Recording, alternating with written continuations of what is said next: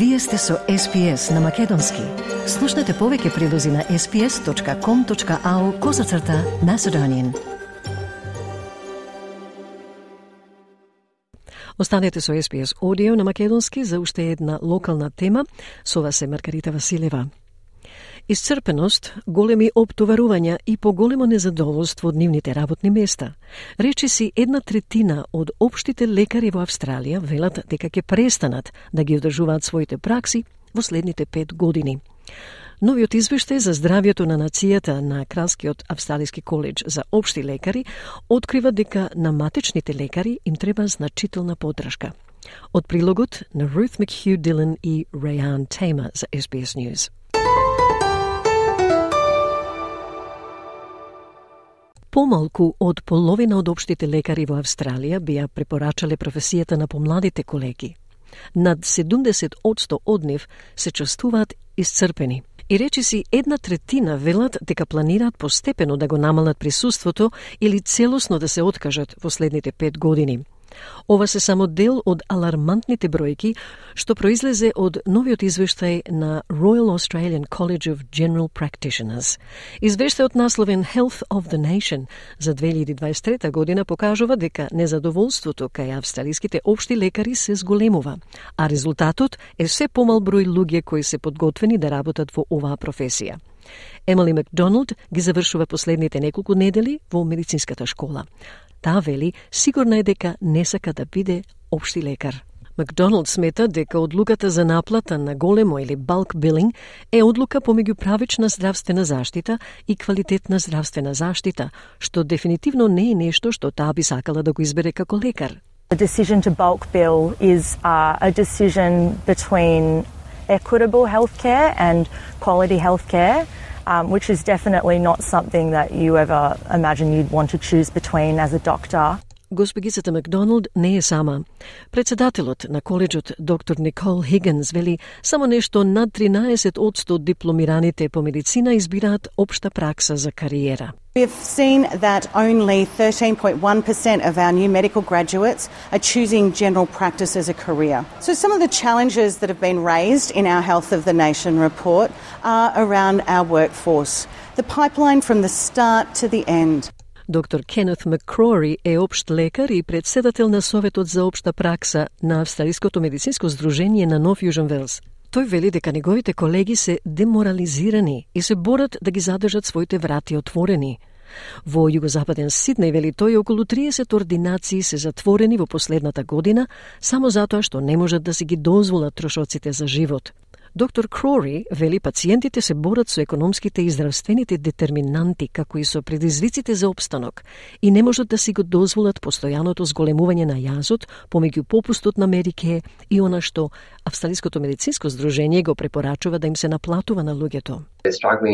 to keep their doors open. Locally out here in South West Sydney, we've had about 30 practices closed in the last year or so just because they can't afford the overheads with the cost of living crisis.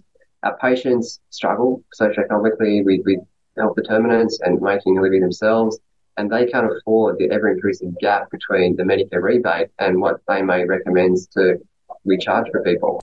Доктор Макрори вели дека разбира зошто многу студенти по медицина го избегнуваат патот што води кон општата пракса. Remuneration compared to other specialties, uh, the inability to keep your doors open, practices closing left, right and centre because they can't afford to, to keep seeing their patients essentially for free, then it's a pretty no-brainer. Like, why would you go into the role when you could go into something else?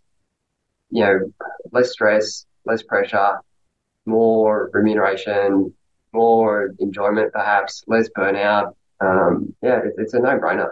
Доктор Хигенс вели дека се потребни поголеми стимулации за да се задржат оние на обука кои се уште се подготвени да останат во професијата.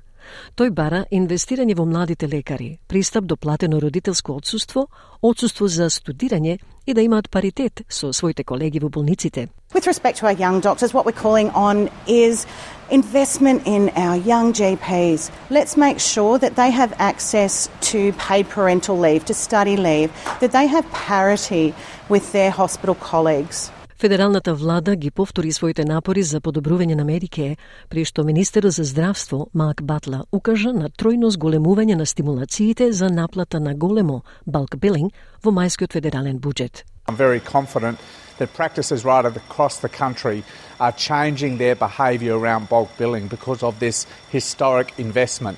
But that, those data will be uh, published in a very transparent, very regular way by our government uh, over coming months. Доктор Макрори се согласува, но вели дека владата не инвестираше значителна сума пари во тековните стимулации за наплата на големо и во програмата My Medicare, но дека проблемот е што тоа не е ни приближно доволно дојде премногу доцна за многу негови колеги и нивните пациенти. The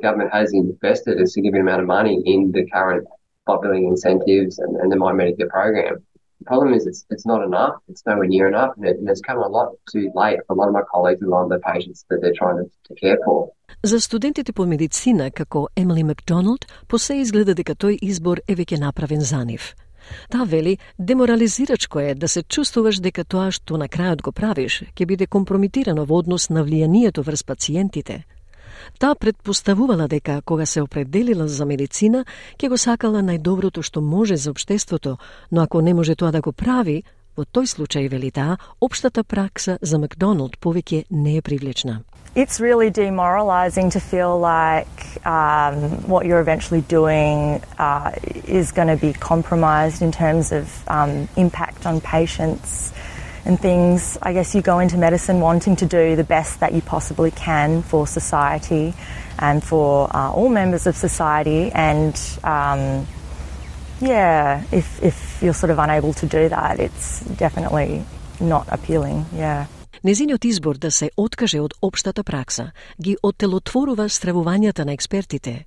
Тие велат дека ако има помалку општи лекари и ако се поскапат таксите за празнини, ќе биде неизбежен приливот на пациентите во особите за брза помош, а болничките системи ќе бидат тие што ќе плаќаат крајната цена. Од прилогот на Ruth McHugh Dillon и Rayan Tamer за SBS News. SBS. SBS. SBS. SBS. SBS. SBS. SBS Radio. Стиснете, ми се допаѓа, споделете, коментирајте. Следете ја SPS на Македонски на Facebook.